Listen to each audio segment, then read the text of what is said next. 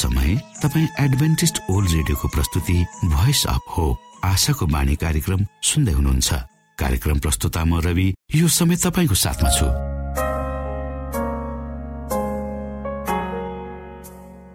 मानिस जातिमा देखाइएको परमेश्वरको प्रेम र अनुग्रह तपाईँसँग बाँड्ने उद्देश्यले प्रस्तुत कार्यक्रम तपाईँको आफ्नो प्रिय कार्यक्रम आशाको बाणीमा यहाँलाई हामी न्यानो स्वागत गर्दछौ। आशाको बाणीको आजको प्रस्तुतिबाट पनि तपाईँले परमेश्वरसँग नजिक रहेको अनुभूति गर्नुहुनेछ भनेर हामी आशा राख्दछौ। आउनु श्रोता यो मधुर भजनसँगै हामी हाम्रो मुख्य कार्यक्रमतर्फ लागौ।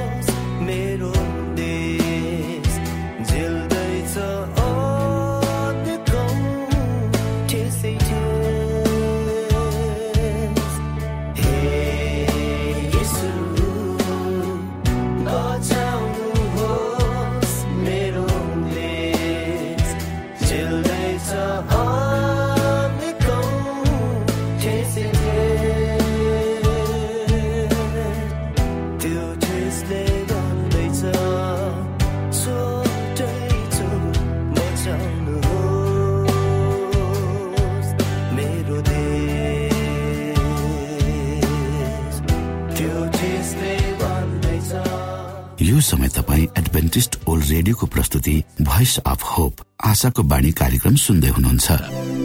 म तपाईँहरूको मित्र पास्टर धनलाल राई यहाँहरूको बीचमा परमेश्वरको वचन लिएर आएको छु। मलाई आशा छ तपाईँहरूको दैनिकीहरू ठिकठाकसँग प्रभुको अगुवाईमा बित्दैछ। श्रोता तपाईँमा कुनै किसिमको अप्ठ्याराहरू छन्? तपाईँको जीवन गाह्रोसँग बितिरहेको छ? तपाईँको जीवनमा दुविधाहरू छन्? समस्याहरूले तपाईँ विचलित भइराख्नु भएको छ।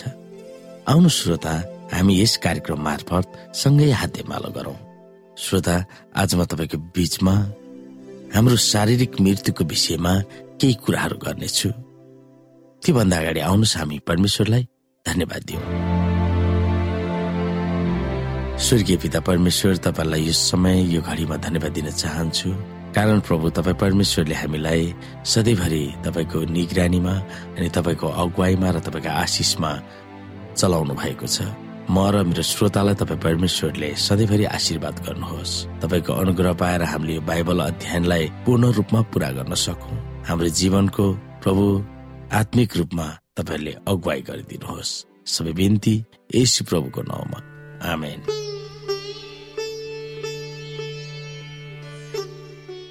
श्रोता साथी हामीले यो मृत्युको विषयमा कुरा गरिरहँदाखेरि मृत्यु एकदमै दुःखदायी र एकदम सत्य घटना हो जसबाट हामी कसैले पनि उन्मुक्ति पाउन भन्ने सकिँदैन। जसको विषयमा हामी सोच्न पनि चाहँदैनौ मृत्यु एक चोरको रूपमा आउँछ भनेर बाइबलले भन्दछ। जसको बारेमा हामी सोच्न पनि चाहँदैनौ मानिस जन्मेपछि मर्नुपर्छ भन्ने सत्यलाई हामीले स्वीकार्नु पर्दछ र हामी सबैलाई यो कुरा थाहा छ। धेरै मानिसहरू आज मृत्युको डरले पनि आत्तिन्छन् कि उनीहरू केही गर्न पनि हिचकिचाउँछन्। आज मानिसहरूले आफू मर्नु पर्दैन सधैँ जीवित रहन्छ भन्ने सोचाइका साथ हिँडेको पनि हामी देख्छौँ। धेरै मानिसहरू आफू अमर रहन्छु भन्ने सोचाइका साथ काम गर्न पनि खोज्छन्। यदि हामी विश्व इतिहासलाई पल्टाएर नै हेर्ने हो भने धेरै शासकहरू तानाशाहहरू जो बादशाहहरूले आफूलाई अमर बनाउने कोसिस पनि गरेका छन्। उनीहरूले मृत्युलाई केही जस्तो ठान्दैन वा आफू मर्छु भन्ने कुरा बुझेको पनि हामी पाउँदैनौँ। अर्कोतिर यस्ता मानिसहरू छन् जो आफ्नो जीवनमा धेरै ठुलो काम गर्न सक्छन् तर मृत्युको डरले चाहे जति गर्न सक्दैनन्। म मरिहाल्छु मैले किन गर्नुपर्छ भन्ने भावनाले उनीहरू शिथिल जीवन बिताइरहेको हुन्छन्। न त उनीहरू आफ्नो जीवनमा कुनै प्रगति गर्छन् न त समाज वा राष्ट्रको निम्ति कुनै योगदान नै पुर्याउँछन्। त्यसकारण हामीले आफ्नो जीवनलाई उद्देश्य सहित अर्थपूर्ण रूपमा अगाडि बढाउनको निम्ति म मर्छु भन्ने भावनालाई आफ्नो मनबाट हटाउनु पर्दछ। ताकि तपाईँ जे गर्नुहुन्छ त्यसबाट तपाईँको जीवितपनको प्रस्फुटीकरण हुन्छ। जब म एक दिन मर्नुपर्छ भन्ने चेतना आउँछ तब हाम्रो जीवन अनुशासित रूपमा जिउनुका साथै एक अर्काप्रति सहयोगको भावना जागेर आउँछ जसबाट अहमपना हटेका हामी पाउँछौ। हामी मर्छौँ त्यसमा दुई मत छैन तर जति दिन यो संसारमा जिउँछौ हामी जीवित भएर जिउनु पर्छ ताकि हाम्रो जीवनबाट भएका कामले हाम्रो घर परिवार समाज र राष्ट्रलाई सहयोग गर्न सकौँ र जब हामी यस संसारबाट विदा हुन्छौँ तब हामीले बाजुन्जेलसम्म गरेका कामले मानिसहरूले हामीलाई सम्झिराखुन्। यो हामीले बुझ्नु पर्दछ हामी जवान अवस्थामा नै मृत्युको बारेमा सोध्छौँ र चिन्तित हुन्छौँ। कतिपय अवस्थामा हामी संसारमा धेरै कुरा जान्नको लागि सङ्घर्ष गर्छौँ र सिक्छौँ। जब हामी आफूलाई हेर्छौँ तब हामी आफूमा भएका अपूर्णताको घाउ हेर्छौँ र त्यसबाट आफूलाई सुधार्ने कोसिस गर्छौँ। हामी आफूलाई परिवर्तन गर्ने कोसिस गर्छौँ। जब हामी कडा मेहनत गर्छौँ तब आफूले चाहेको चिज पाउन सक्छौँ र कहिलेकाहीँ हामी जुन कुराको आफूलाई आवश्यकता छ त्यो कुराको लागि मेहनत गर्न बिर्सन्छौँ। कहिलेकाहीँ हामी धेरै खुसी हुन्छौँ। त कहिले हामी धेरै दुखी हुन्छौँ। हामी सबै मृत्युको डरलाग्दो पन्जाबाट मुक्त हुन चाहन्छौँ। मृत्युले कहिले पनि पक्षपात गर्दैन श्रोता किनकि यो एकदम कडा छ। यसले धनी गरिब ठुलो सानो कोही भन्दैन। यसले सबैलाई समान रूपमा हेर्छ र सबैसँग यो प्राण लिएर छोड्छ। त्यसो भए श्रोता के हाम्रो मृत्यु नै अन्तिम हो त? होइन श्रोता यसमा हामीलाई बाइबल धर्मशास्त्रबाट केही सान्त्वनाको वचनहरू छ। हामीलाई यो मृत्युबाट केवल यीशुको रगतले बचाउन सक्छ। किनकि यसुले आफ्नो अनुभव रगतले हामीलाई सैतानले दिने अकाल नरक मृत्युबाट बचाउन सक्नुहुन्छ। त्यसैले पवित्र शास्त्र बाइबलको युहन्नाको पुस्तक तीन अध्यायको सोह्र पदमा यस्तो लेखिएको छ किनकि परमेश्वरले संसारलाई यस्तो प्रेम गर्नुभयो कि आफ्नो एक्लौटे पुत्रलाई यस संसारमा पठाउनु भयो ताकि उहाँमाथि विश्वास गर्ने कोही पनि नाच्नुहोस् तर त्यसले अनन्त जीवन पाओस्। श्रोत साथी हाम्रो विजय केवल यसुमा छ भनेर हामीले बुझ्न सक्छौ। हामी केवल यसुको रगतद्वारा मृत्युमा विजय पाउन सक्छौ। उहाँमा हामी यदि विश्वास गर्छौँ भने हामी अनन्त मृत्युबाट बच्न सक्छौँ। कारण आजभन्दा लगभग दुई हजार वर्ष अगाडि यसो हाम्रो पापको निम्ति अर्थात् तपाईँ र मैले भोग्नु पर्ने दण्डको निम्ति बलिदान हुनुभएको थियो। त्यसैले पवित्र धर्मशास्त्र बाइबलमा रोमीको पुस्तकको सात अध्यायको चौबिस र पच्चिस पदमा पावल प्रेरितले यसो भन्छन् आए म कस्तो दुखी मानिस? यस्तो मृत्युको शरीरबाट मलाई कसले हटाउला? यसो ख्रिस्ट हाम्रा मुक्तिदाता प्रभुद्वारा नै परमेश्वरलाई धन्यवाद होस्। हामी मृत्युदेखि डराउँछौ किनकि हामी बाँच्न चाहन्छौ। र स्वर्गको विषयमा सुन्दा हामीलाई राम्रो लाग्छ। परमेश्वरले त्यो स्वर्ग हामीलाई दिन चाहनुहुन्छ। परमेश्वरको आशिषले हामी मृत्युबाट विजय पाउन सक्छौ। हामी मृत्युदेखि डराउनु पर्दैन। किनकि उहाँले हामीलाई मृत्युमाथि विजय गराउनु भएको छ। हामी उहाँको सित्तैमा पाइने मुक्तिको वरदानमा सहभागी हुन सक्छौँ। हामी आफै त केही गर्न सक्दैनौ तर प्रभुको शक्ति र सामर्थ्यमा हामी अघि बढ्न सक्छौ र मृत्युमा विजय पाउँछौ। हामीलाई थाहा छ पाप चारैतिर हाम्रो वरिपरि छ र यसले हामीलाई सधैँ आफ्नो दास बनाएर राख्न चाहन्छ। हामीलाई जहिले पनि असल कुरा गर्न असल निर्णय लिन र असल सोच्न यसले हामीलाई दिँदैन। तर प्रभु यसो भन्नुहुन्छ ममा कुनै कुरा असम्भव छैन। अर्थात् उहाँ हामीलाई असल बनाउन चाहनुहुन्छ सहायता गर्न चाहनुहुन्छ। केवल हाम्रो हृदयको विश्वास र मुखको स्वीकारोक्तिद्वारा हामी उहाँलाई आफ्नो जीवनमा निम्ताउन सक्छौ। र हाम्रा पापबाट छुटकारा पाएको अनुभव हामी गर्न सक्छौ। श्रोता साथी यहाँ मृत्युको कुरा गर्दा दुई खालको मृत्युको कुरा हामी बुझ्न सक्छौ। संसारमा हुने रगत र मासुको मृत्यु शारीरिक मृत्यु। यसबाट त हामी कोही पनि बच्न सक्दैनौ। यो त हुन आवश्यक नै छ। तर जब हामी शरीरमा मृत्यु वरण गर्छौँ तर हाम्रो आत्मिक रूपमा जब समय सुख्रिसको दोस्रो आगमन हुन्छ त्यतिखेर हामी मरेकाहरू सबैजना फेरि बौरी उठ्नेछौँ र प्रवेशुलाई आकाशमा भेट्न जानेछौँ।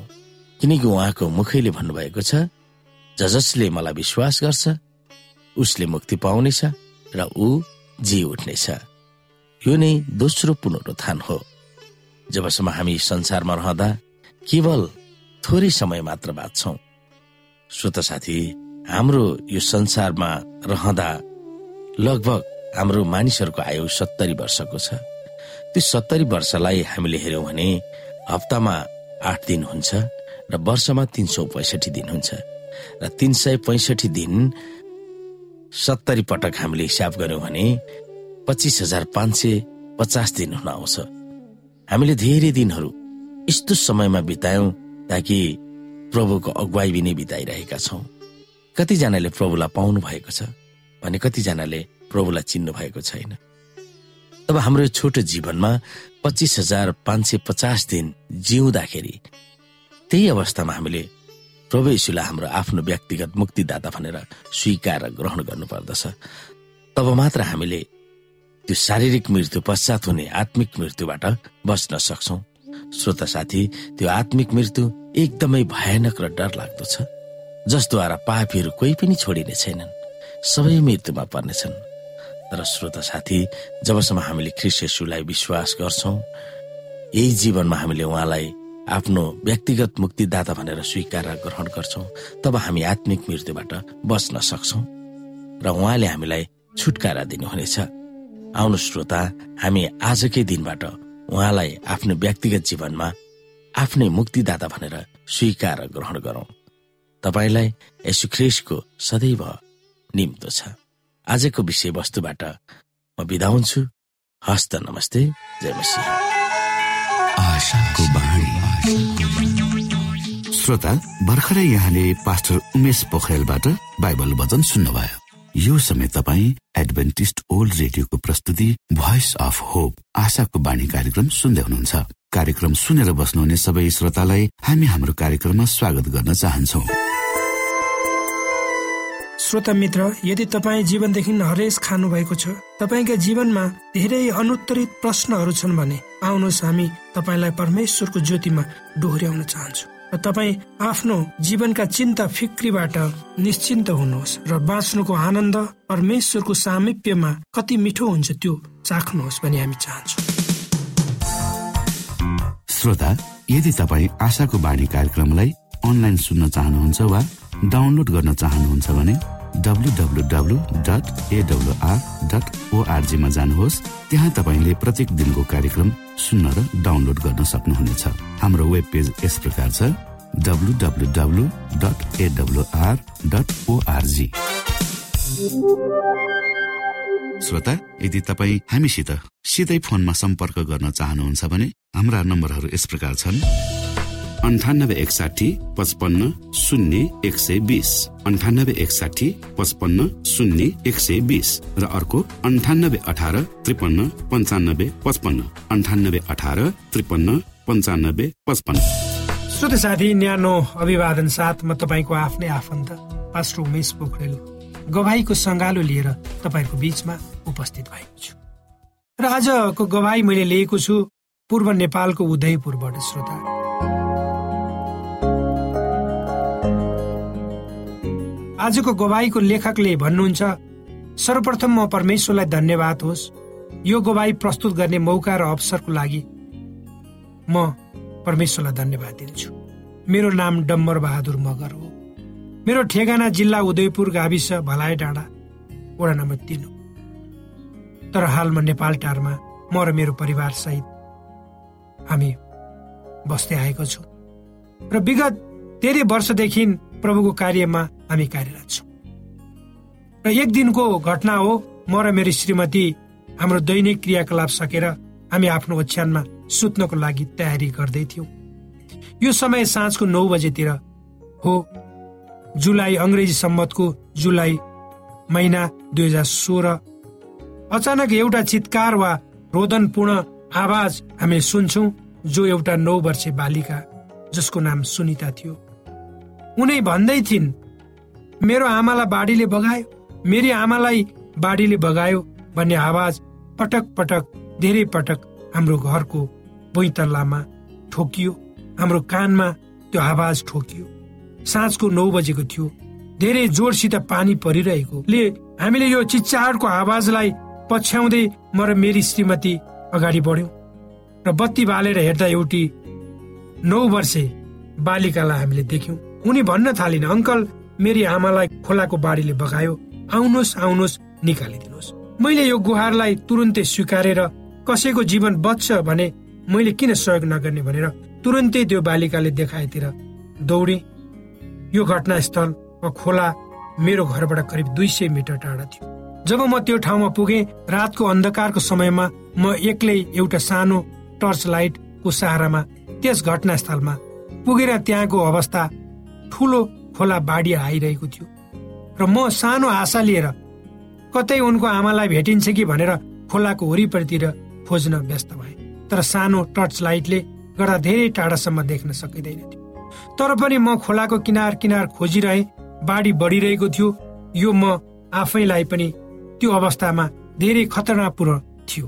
किनकि अँध्यारो रात उर्लदो खोला मलाई पनि कुनै पनि बेला बगाउन सक्थ्यो र मैले खोला बाढीको आवाजसँगै एउटा सानो आवाज सुने। त्यो आवाज यस्तो थियो। मेरी छोरीलाई खोलाले बगायो मेरी छोरीलाई खोलाले बगायो। यो रुवाई सहितको आवाज मैले केही मिनटभित्र भेटे। उनी थिइन् त्यही बगाइएकी बालिकाकी आमा। बगाइएकी आमा निर्मला भुलेज भुजेल वर्ष उन्तिस कि। ती आमा र छोरी खोला तर्ने क्रममा आमा र छोरी दुवैलाई एकैसाथ बगाएको थियो। तर छोरी चाहिँ आफै निस्किन्। निस्केर म कहाँ गुहार माग्न आइपुगेकी थिइन् भने आमा चाहिँ खोलाले बगाएर केही मिटर तल पुगी घाइते अवस्थामा मैले उद्धार गर्न घाइते अवस्थामा थिइन् र मैले उद्धार गर्ने मौका पाएँ।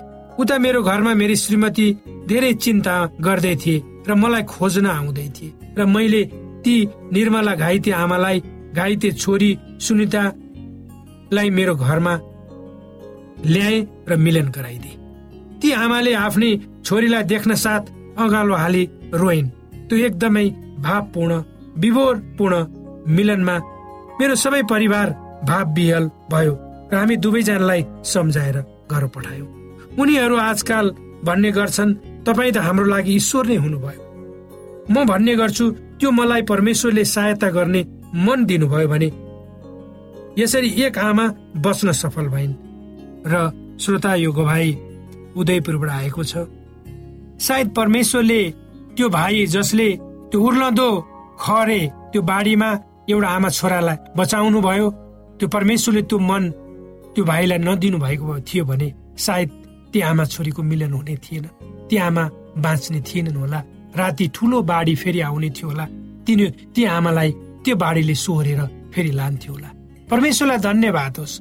परमेश्वरले आफ्ना जनहरू मार्फत यी आपत र विपदमा परेका धेरै मानिसहरूलाई यसरी बचाउनुहुन्छ। श्रोता यदि तपाईँको अगाडि पनि कोही मानिस गुहार मागेर आउँछ कोही मानिस सहायता माग्न आउँछ कोही मानिसको तपाईँले चाहिँ रोदन सुन्नुभयो कोही मानिसको तपाईँले चितकार सुन्नुभयो भने तपाईँले आफ्ना आँखाहरू आफ्ना कानहरू बन्द नगर्नुहोस् श्रोता। यो गभाइले तपाईँ र मलाई बाँच्ने प्रेरणा दिउन्। आदरणीय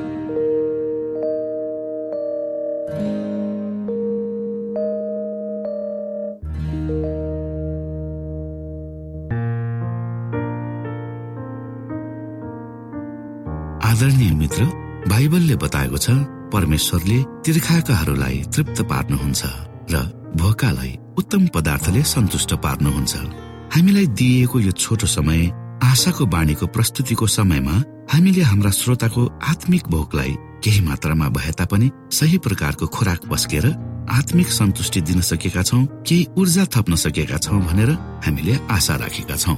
आफ्ना मनमा भएका केही दुविधा र शङ्काहरू छन् भने अवश्य हामीसँग बाँडेर शङ्काको निवारण गर्नुहुनेछ र सही प्रकारको बाटो पहिलाउन सक्नुहुनेछ परमेश्वरको सच्चाइले अझ राम्रो बुझ्न सक्नुहुनेछ र आफ्नो जीवनलाई परमेश्वरमा पूर्ण समर्पित भएर समर्पण सहितको जीवन बिताउन सक्नुहुनेछ भनेर आशा राख्दै अब हामी हाम्रो कार्यक्रम सकिएको जानकारी यहाँलाई गराउन चाहन्छौ। जानुभन्दा अगाडि श्रोता हामी यहाँलाई हाम्रो ठेगानाको विषयमा जानकारी गरौँ। हामीसँग पत्राचार गर्ने हाम्रो ठेगाना यस प्रकार छ। आशाको बाणी पोस्ट बक्स नम्बर दुई शून्य शून्य शून्य दुई काठमाडौँ नेपाल। आशाको बाणी पोस्ट बक्स नम्बर दुई शून्य शून्य शून्य दुई काठमाडौँ नेपाल।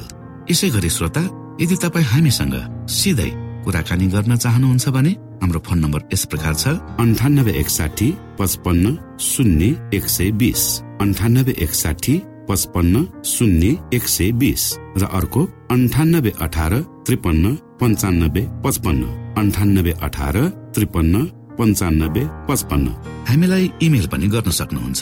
हाम्रो इमेल एड्रेस यस प्रकार छ Nepal at AWR dot ORG Nepal at AWR dot ORG यदि तपाईँ हामीलाई अनलाइन सुन्न चाहनुहुन्छ वा डाउनलोड गर्न चाहनुहुन्छ भने तपाईँ डब्लु डट एडब्लुआर डट ओआरजीमा जानुहोस् र त्यहाँ तपाईँले हाम्रा सबै कार्यक्रमहरू सुन्न सक्नुहुनेछ। हाम्रो वेब पेज यस प्रकार छ W dot AWR dot ORG श्रोता यसमा गएर तपाईँले हाम्रा दैनिक कार्यक्रमलाई सुन्न सक्नुहुनेछ र डाउनलोड पनि गर्न सक्नुहुनेछ। हवस् त श्रोता हाम्रो कार्यक्रम सुनिदिनु भएकोमा एकचोटि फेरि यहाँलाई धन्यवाद दिँदै भोलि फेरि यही स्टेशन यही समयमा यहाँसँग भेट्ने आशा राख्दै प्राविधिक साथी राजेश पास्टर उमेश पोखरेल र कार्यक्रम प्रस्तुता म रवि यहाँसँग विदा माग्दछौ। परमेश्वरले तपाईँलाई धेरै धेरै आशिष दिनु भएको होस्। नमस्कार।